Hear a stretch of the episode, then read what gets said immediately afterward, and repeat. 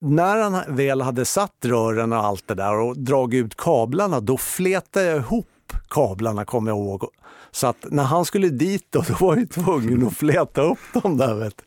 Så att det var ganska... Ja, jag tror du menade att fläta ihop dem med varandra. Nej men, nej, men jag flätade ihop dem så här, han kunde inte klippa av dem, de blir ju för alltså, Så han var ju tvungen att trä ut allting det där. Hur mycket arbetstid la du ner på det där? Nej, det var ju så kanske man hade rast, alltså, så kanske man stannar kvar ibland bara för att göra sån här pranks. Alltså, jag tycker det var rätt roligt. Det tyckte inte han då, men... Du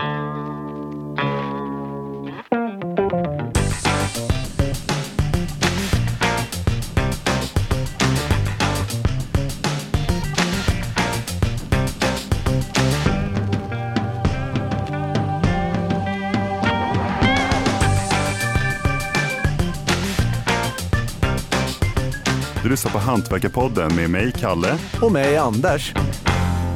Idag ska det handla om bus och pranks på jobbet.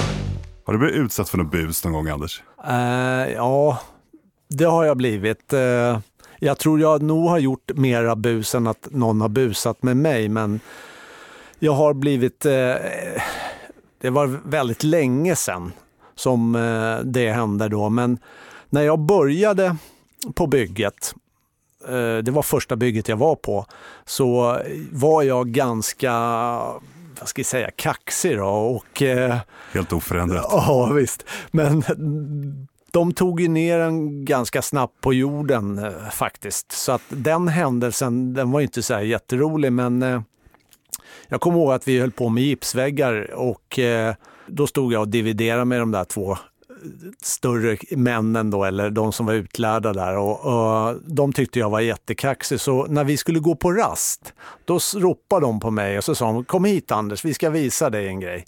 Ja, då sprang jag in där, där de var då och då stod de ju där med en skruvmaskin och lite skruv. Sen skruvade de fast mig i väggen faktiskt. Sen fick jag sitta där i den där väggen tills de kom tillbaka ifrån rast. Nu måste jag höra detaljer. Eh, eh, var, skruva fast dig liksom en bit upp eller var det liksom Aj, det, jag hade ju fötterna på marken, men de skruvar ju liksom i kläder, alltså inte i kroppen nu, men i kläderna så att jag kom ju ingenstans. Plus att armarna du vet rätt ut så här. Så att det var som eh, Jesus på korset ungefär. Det är uppfriskande med lite klassisk mobbing ibland. Ja, men eh, så var det ju i och för sig. Jag var ju kaxig, men de fick ju igen det sen. För sen ropade jag på dem då när vi skulle gå på rast nästa gång och då stod jag ute på balkongen och så gick ju de ut dit då. Sen sprang jag in och stängde dörren så fick ju de stå där och så att det kom ju tillbaks. Ja. Så länge jag har känt dig har du alltid varit kaxigast på bygget. Ja, det har jag nog varit. Det kan jag nog. Ja. Jag, jag är för mig, jag har hört mycket om att ni hade en bastubod på Ida Mattsson en gång i tiden. Uh, det stämmer faktiskt. Uh, det var ju en som följde med då på vissa byggen då som man hade där vi kunde ha bastu. Då. Så att eh, vi hade faktiskt en bastu och det var ju alltid, varje fredag var det ju då det här eh, med gubbarna, de tyckte det var jätteroligt. Då. Så att då var det ju bastu och dessutom så hade vi en annan grej då. Då var det ju så att vi köpte in lite öl. Så att, eh, lite öl? Lite öl, ja men det var väl några backar som åkte och handlade. Så. Sen fick man ju köpa det där för självkostnadspris då, alla. Så att det fanns ju alltid pengar att köpa nytt då, så att inte, ja. Så att eh, det kunde ju gå ganska hett till ibland om det var någon som, eh, ja, kanske fick i sig lite för mycket av den där ölen då, men ofta så sköttes det. Har du någon berättelse från det? Inga nakna personer på ställningen? Ja, det hände väl att någon gick ut då, kanske naken på ställningen där, eller när man skulle gå in i boden då sen. Det hände väl säkert någon gång, men nej, inte riktigt sådana saker. Jag, jag har två historier, båda då från en gemensam kollega till oss. Okay. Bland annat var det en man som kallas Tok-Ove som det var, no, det var någon hemlös eller någonting som var rotekotinen. Sprang ut naken och jagade dem. Ja, men det, ja, men det stämmer faktiskt. Det, eh, när du säger det där så det kommer inte jag ihåg, men eh, nu när du berättar så, så den historien faktiskt sann. Ja, han har gjort det. Och så har jag hört att du har gått ut, satt på dig bältet bara och västen och hjälm och gått ut och spikat lite. Uh, ja, det har väl hänt någon gång tror jag. men det är preskriberat nu. Ja.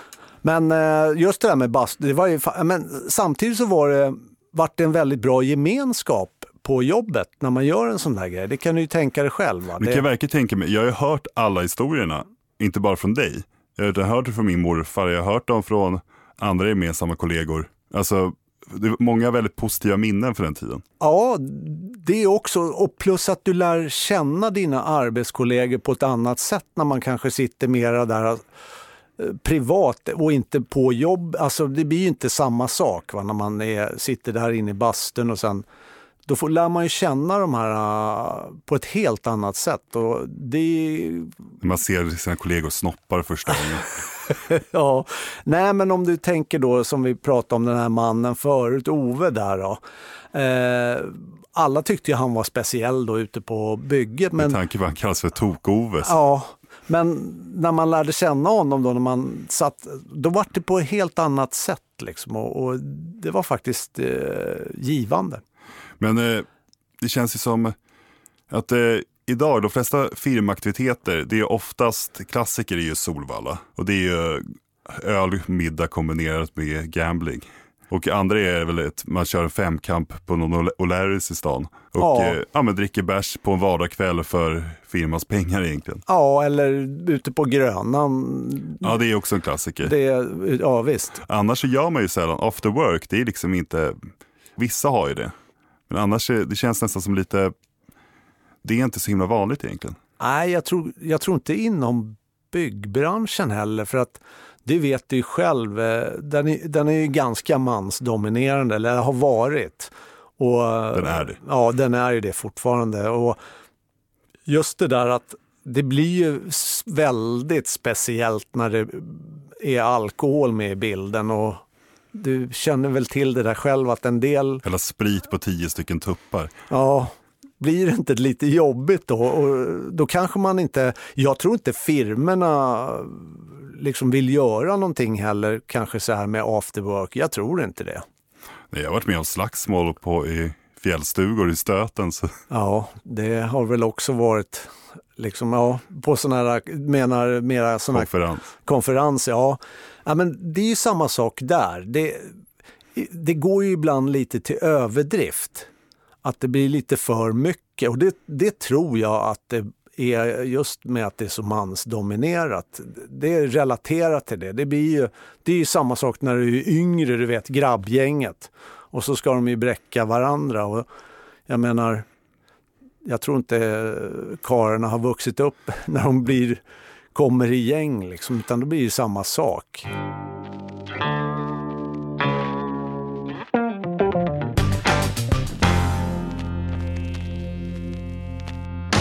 Det, det där du nämner med att grabbarna ska bräcka varandra.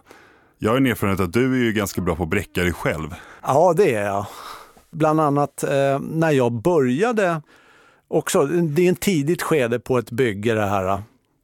Vi var ute på eh, Lidingö och eh, jag stod och körde plåtform och då är det ju ibland så här att man ska lyfta de här formarna mitt emellan kåkarna då och då måste det lyftas ner. Och då stod jag där på backen och det är vintertid.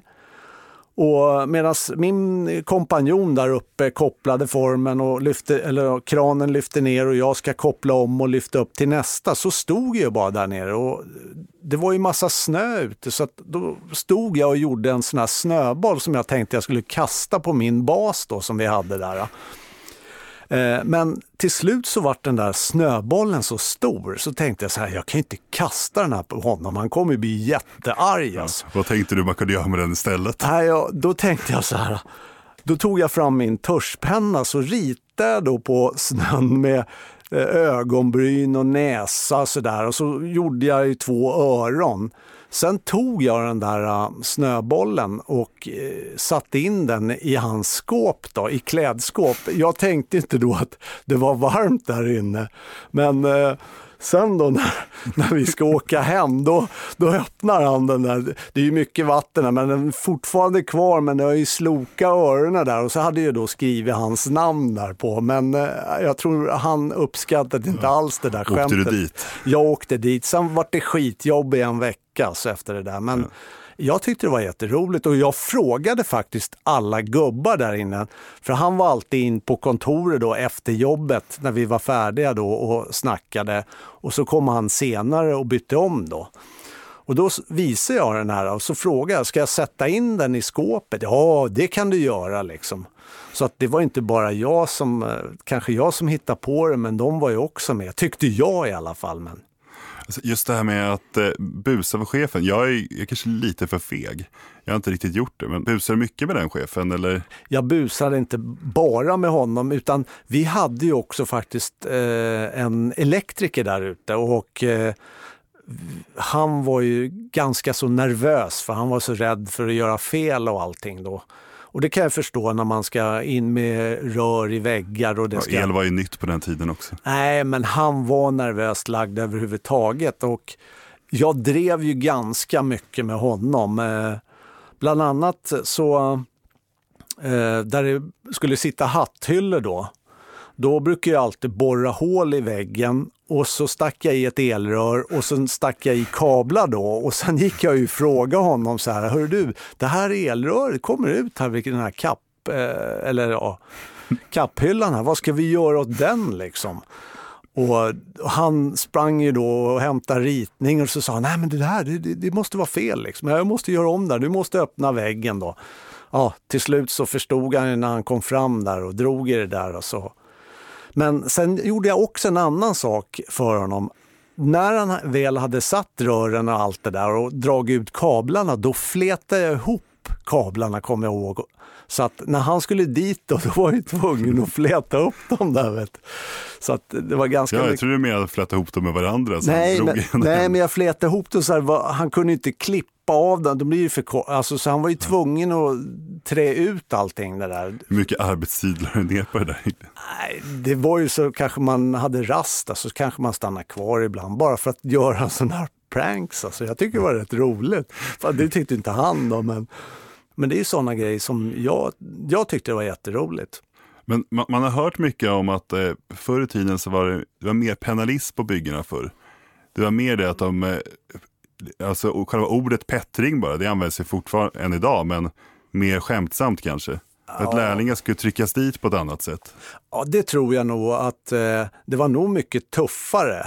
Du verkar ju undkommit det ganska bra. Du, Ja, jag har nog, men jag vet ju bland annat en kille där han kunde ju, alltså, där jag var menar ju att bus ju lätt övergå till någonting annat. Ja. Särskilt om det är mot samma person hela tiden. Ja, det kan det bli och sen, ja det är ju nästan som mobbing i så fall i slutändan. Och jag kan tänka mig, men folk var också, alltså de var ju elakare som du säger, alltså ibland.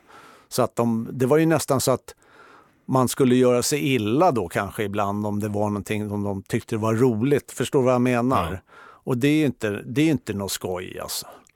Jag tycker mer, jag har ju mer gjort sådana här saker som ja, gjort en knut på sladden till exempel. Jag hade en lärling på Einar Mattsson. Han stod och skruvade gips då. Och då gjorde jag en knut på sladden och så gick jag och drog ur sladden för honom när han stod och skruvade då. Och då tittade han på maskinen och kollade. Så kom han till mig då så frågade han, ja, men Anders den funkar inte här. Ja men du ser, det är ju en knut på sladden och du måste ju ta upp den där.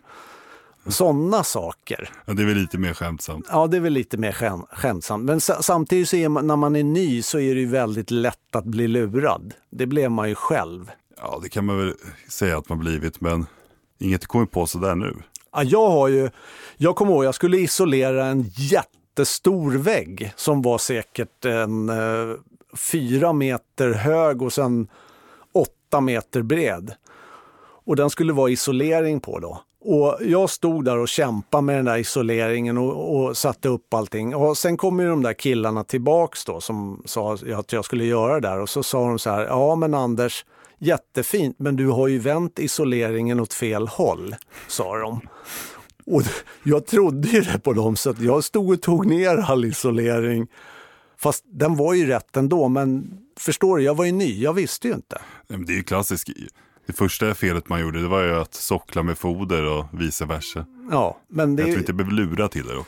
Nej, men jag vart ju liksom, de Innan, men de ville väl kanske att man skulle tänka, men det gjorde man. Man var ju lite nervös. Och man då, ville... Du ryckte ner isoleringen och vände på den? Ja, eller? jag ryckte ner. Då stod ju de bakom hörnen där och skrattade bara. Men eh, så är det ju liksom. När man är ny, då är det ju väldigt lätt att, eh, ja, men det får inte gå överstyr så att säga så att man blir, eh, som du säger, penalism eller elak. Men det finns ju en del som kanske gör det. Ibland. Ja, det, det finns ju, förekommer. Ja, och det, det, det är inget roligt. Det ska ju vara trevligt att gå till jobbet och roligt.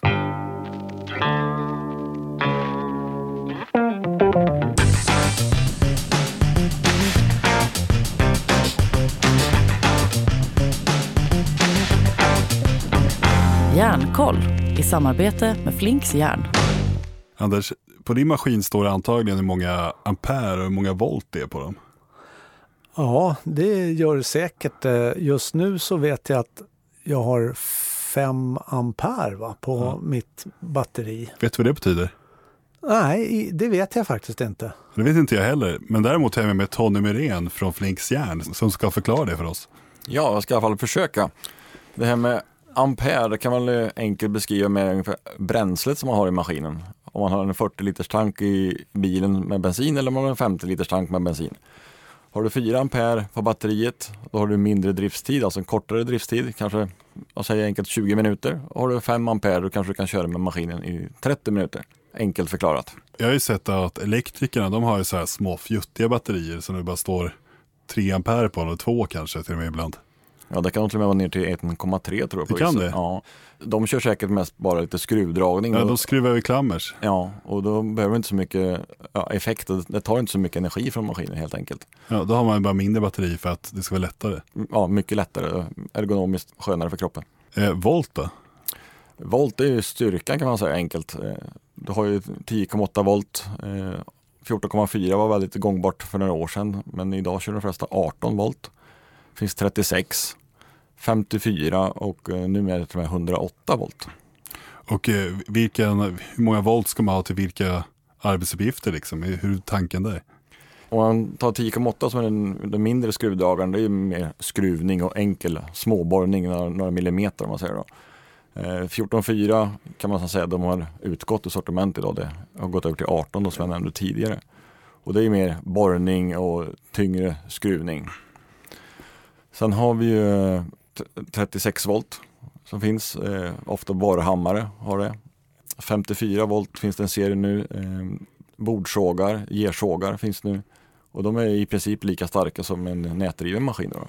Och nu har det till och med kommit 108 volt, dubbla 100, eller 54 volts batterier. Bordsågar som är batteridrivna? Ja det stämmer. Det kom eh, en serie förra året då från eh, Devalt på 54 volt. Och eh, de släpper nu en serie på 108. Då så det dubbla 54 volts. Hur, hur ofta behöver man inte byta det batteriet? Om strömmen skulle ta slut i batteriet på 108 där så har de med en nätadapter också. Så har man tillgång till ström så är det bara att fortsätta köra som vanligt. Är det sån här gersåg eller är det en klyvsåg som, eller är det både och som eh, finns med batteri? Det finns både och på 54 volt. Okay. Den som har kommit nu på 108 det är en eh, stor kapiersåg med en 305 mm klinga. Ja, för jag tänker när man, man ska klyva någonting, då behövs det ju lite kraft. Eh, att kapa av någonting, det är ju lite lättare va, men måste ju dra batteri ändå. Ja, eh, jag var med själv och provade den här 54 volts bordsågen i fjol. Och jag var faktiskt positivt överraskad vad mycket den klarar av. Jag hade inte så höga förhoppningar men eh, den funkar riktigt bra tycker jag. Hur många ampere är de batterierna? Eh, de batterierna är på 2 ampere. Tony, det pratas så mycket om det här med kolborstfritt idag. Ja. Kan du förklara lite mer vad det innebär? Ja, eh, av, av, tradition så har det suttit kolborst i en maskin som har fått rotorn att snurra. Och den skapar då friktion eh, som genererar värme och då blir maskinen varm och det är inte så skönt att hålla in alla gånger för den kan bli riktigt varm. Men då sker det också de här korna energi från maskinen så att eh, du tappar ju eh, ampere kan man säga att driftstiden blir kortare i och med att det försvinner energi i värmen. Men om man kör en kolborstfri motor som inte har någon kolborst utan det är mer elektroniskt styrt, då får du ingen effektförlust. Så om du skulle köra en eh, kolborstmaskin på 3 ampere och så låt oss säga att den kör 20 minuter i driftstid. Och kör du då en eh, kolborstfri, då kan man lägga till ungefär 10-15 minuter i driftstid på i och med att du inte har någon effektförlust. Utan då går effekten rakt ut på drivaxeln istället. Är det inte också så att man kanske bränner sönder motorn mer med då kolborsten och den andra? Det måste ju vara stor skillnad i och med värmen. Precis, det stämmer. Våra leverantörer och tillverkare säger att du får ungefär dubbelt så lång livslängd på en eh, kolborstfri motor som en med kolborst. I och med att du inte får den här värmeutvecklingen på den. Då. För det, det har man ju vetat med sig när man ska borra i, i, till exempel då har man ju använt en nätdriven då men i betong och man står och borrar väldigt mycket. Till slut så är den ju så varm så att man knappt kan hålla i den. Alltså. Mm, ja, det, det slipper idag med dagens teknologi. Du får ju inte de här brända doften som du kan få om du kör en maskin hårt. Den, den slipper du idag. Du, får, ja, du bränner inte maskinen. Men, vad, har kolen för syfte egentligen? Få igång svänghjulet som det heter i, i, i maskin så att den börjar rotera Ja. med magnetfält. Tony, vilka maskiner är det som eh, tidigare innehöll kolborst och in, inte gör det nu? Ja, I princip alla skruvdragare idag har inte kolborst, eh, cirkelsågar, eh, vinkelslipar. Eh, Det, det, det var någonting som fanns i alla maskiner. Ja, Allting där någonting snurrar. allt där det snurrar för så var det kolborst i.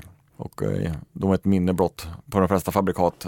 Men en del har ju kvar en serie eh, för att de vill ha ett lite billigare alternativ till den som inte skruvar så ofta. Men, men prisskillnaden, är, är den stor eller mellan kolborst och icke kolborst? Då?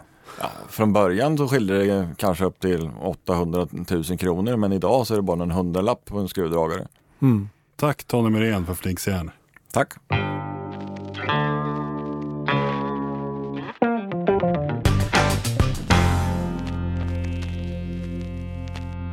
Jag har ju alltid haft sådana många idéer liksom och, och hitta på saker och ja, lek och bus helt Ja. enkelt. Det var väldigt mycket sånt som jag hittade på när det var ute på byggena. Liksom. Från eh, Södra station, där körde jag också plåtform och eh, du vet ju när man kommer upp en våning, då finns det ju inga väggar. Det är ju helt plant liksom på det här valvet. Ja. Och då var det jag och en lärling där som kom på att vi, vi skulle spela sån här uh, valvband, vet. Så att vi sågade till klubbor där i, i plywood och grejer. Så stod vi där uppe och, och lirade då. Så att vi försökte ju få med några där, men eh, det var några som inte, äh, de tyckte inte det var något roligt liksom. Men jag tyckte det var jätteskoj. Vi hittade, vanligt. Ja, men det var ju sådär, man hittar ju på massor med saker för att försöka roa andra då, men Många var ju sådär att de, ja, de ville ju bara jobba. Va? Det var lite tråkigt ibland. Jag undrar hur du lyckas behålla jobbet i alla år Anders? Ja, men jag var ju med i facket på den tiden. Ja, det, det också. Nej, men man var ju duktig på det man gjorde, men sen var det ju väldigt mycket så här, ja, måste ju ha roligt också. Man kan ju inte bara åka Nej. till jobbet. Nej, det, känns det det är ju väldigt vanligt att eh, det klassiska löneslaven att du åker till jobbet och så spenderar du dina timmar där, sen åker du hem.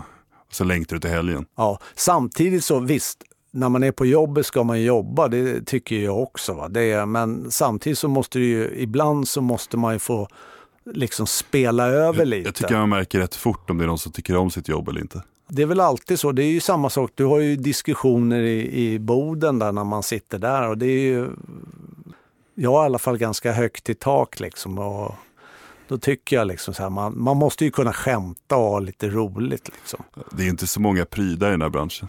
Nej, där jag är nu, där, är ju, där trivs jag verkligen. För jag har en kollega, han är också sådär lite så att vi kan, eh, ja, Ja, du har ju hela ditt Pettringsgäng också. ja som, vi kan ha lite sådär eh, lek ibland faktiskt och det är rätt skoj. Ja. Din kollega där, det är nog ett av de få busen jag gjort. Men det, det har inte riktigt med bygget att göra. Det var att jag, fick, jag lurade honom att gå och fråga i lunchrestaurangen där, att gå och fråga kocken efter benskrapan när det var fisk. Han tyckte det var lite jobbigt att det var ben i fisken. Ja, ja. Hur kan ni äta det här, sa han. Vadå, det är ju bara att ta benskrapan. Ja, men där har ju, det finns det ju många så här i byggbranschen också när de är. Vi hade en lärling när vi var uppe i Roslagstull vet jag och han, den killen han var ju vänsterhänt. Och det gick inget bra att såga för honom. När han stod där och, och i början. Då. Och då sa min kollega att nej men du kan ju gå ner, det finns ju såna här sågar för vänsterhänta, sa han. Så han gick ju ner då till det här förrådet och skulle hämta en såg för vänsterhänta och det finns ju inte. Det utan, Men eh, det är samma sak där, du är ny och vet inte. Och så det är klart att då går Det är man ju... tacksamt att lura dem. Ja, det är tacksamt. Det är massor med sådana här saker som man, eh, de har ju blivit lurade just på sådana där. Va? Men eh, sen finns det lite andra saker som kanske jag tycker är mer elakt då. När de, Ja. Till exempel vad då? Ja, med lite det här som vi sa, penalism. Va? Liksom, eh, man blir fastskruvad på väggen helt utan anledning. nej, men det var ju inte så, det fick jag ju mig själv att skylla. Men, eh, ja, men ibland kanske när eh, man kanske ska köra några nya maskiner och sådär och, och då kanske man ska ha mera hjälp, förstår du? Och så gör de inte det, va? utan de tycker att De vill att man ska göra fel. Ja, och det tycker inte jag om liksom, utan man ska inte... Men det, det har jag varit med om ganska många gånger när jag började. Att man, folk såg en göra fel och lät den bara för att de ville att man skulle göra fel. Ja, men det är inget roligt. Få ner på jorden lite grann. Ja, men så tycker inte jag det ska vara. Det är inget, då är det inte, då är inget pranks alltså. Nej, är, men det är ju mer någon slags hierarkisk penalismkultur som lever kvar. Ja, lite är det ju så faktiskt.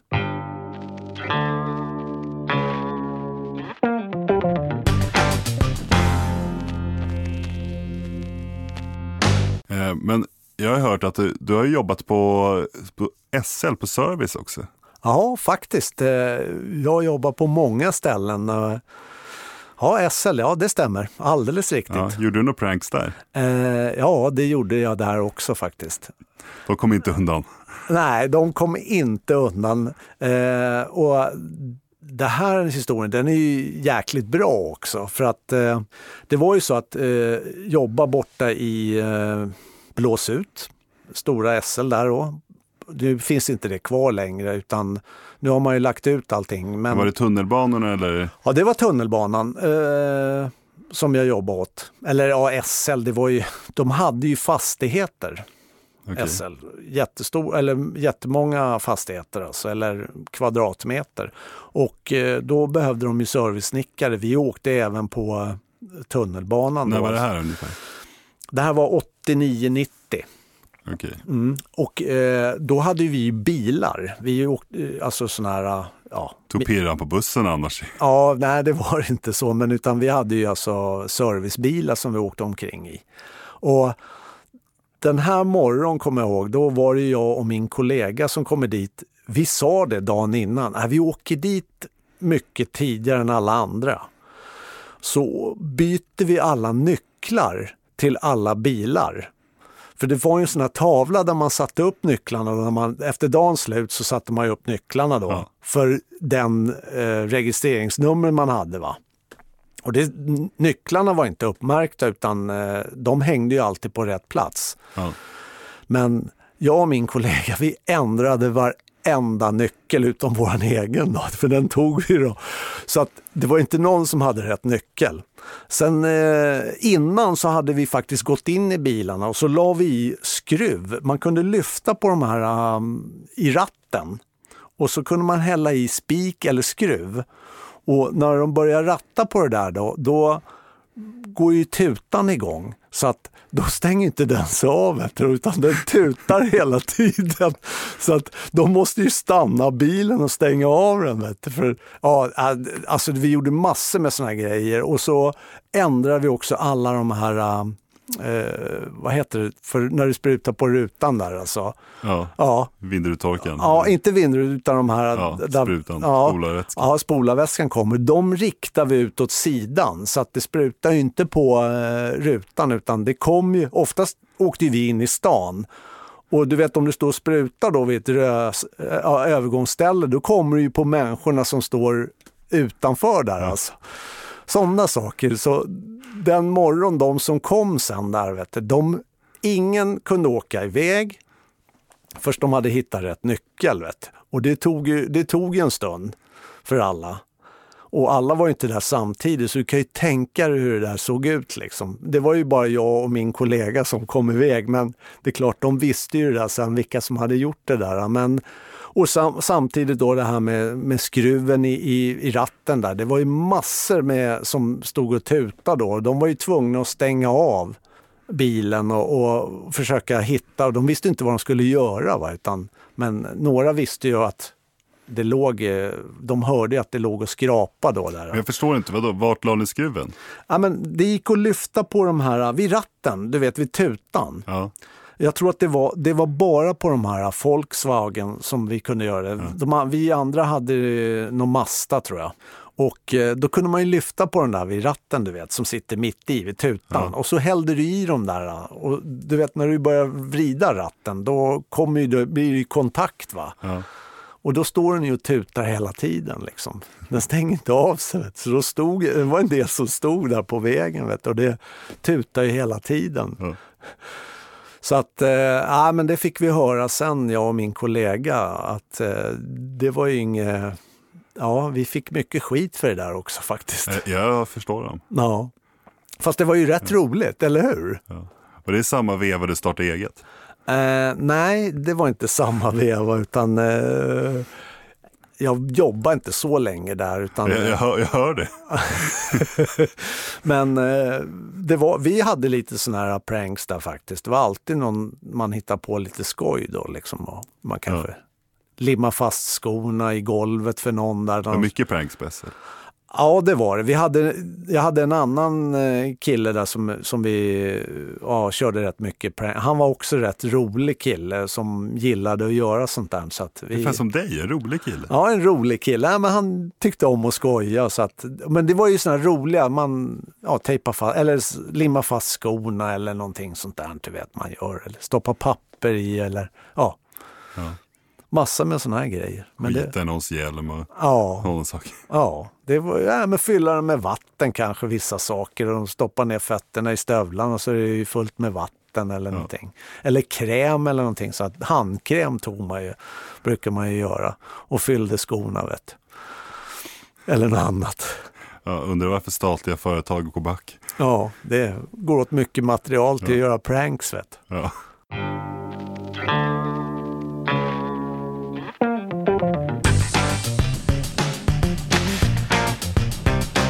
Tack för att du lyssnat på Hantverkarpodden med mig, Kalle. Och mig, Anders. I samarbete med Flinksjärn. Hej då! Hej! Hantverkarpodden görs för Radio Play av produktionsbolaget Munk. Ett poddtips från Podplay. I fallen jag aldrig glömmer djupdyker Hasse Aro i arbetet bakom några av Sveriges mest uppseendeväckande brottsutredningar går vi in med hemlig telefonavlyssning och, och då upplever vi att vi får en total förändring av hans beteende. Vad är det som händer nu? Vem är det som läcker? Och så säger han att jag är kriminell, jag har varit kriminell i hela mitt liv men att mörda ett barn, där går min gräns. Nya säsongen av Fallen jag aldrig glömmer på Podplay.